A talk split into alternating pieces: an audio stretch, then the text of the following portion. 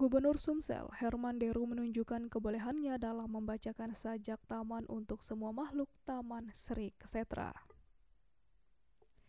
Pemandangan yang cukup unik ini terjadi saat ia membuka secara langsung Pekan Adat Sumsel 2020 di halaman Taman Bukit Siguntang, Kamis 12 November lalu.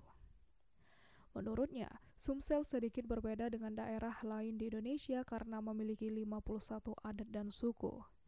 Sehingga lumrah jika masyarakat di Sumsel berbeda dalam adat berpakaian dengan corak yang beragam seperti songket, angkinan, atau lainnya.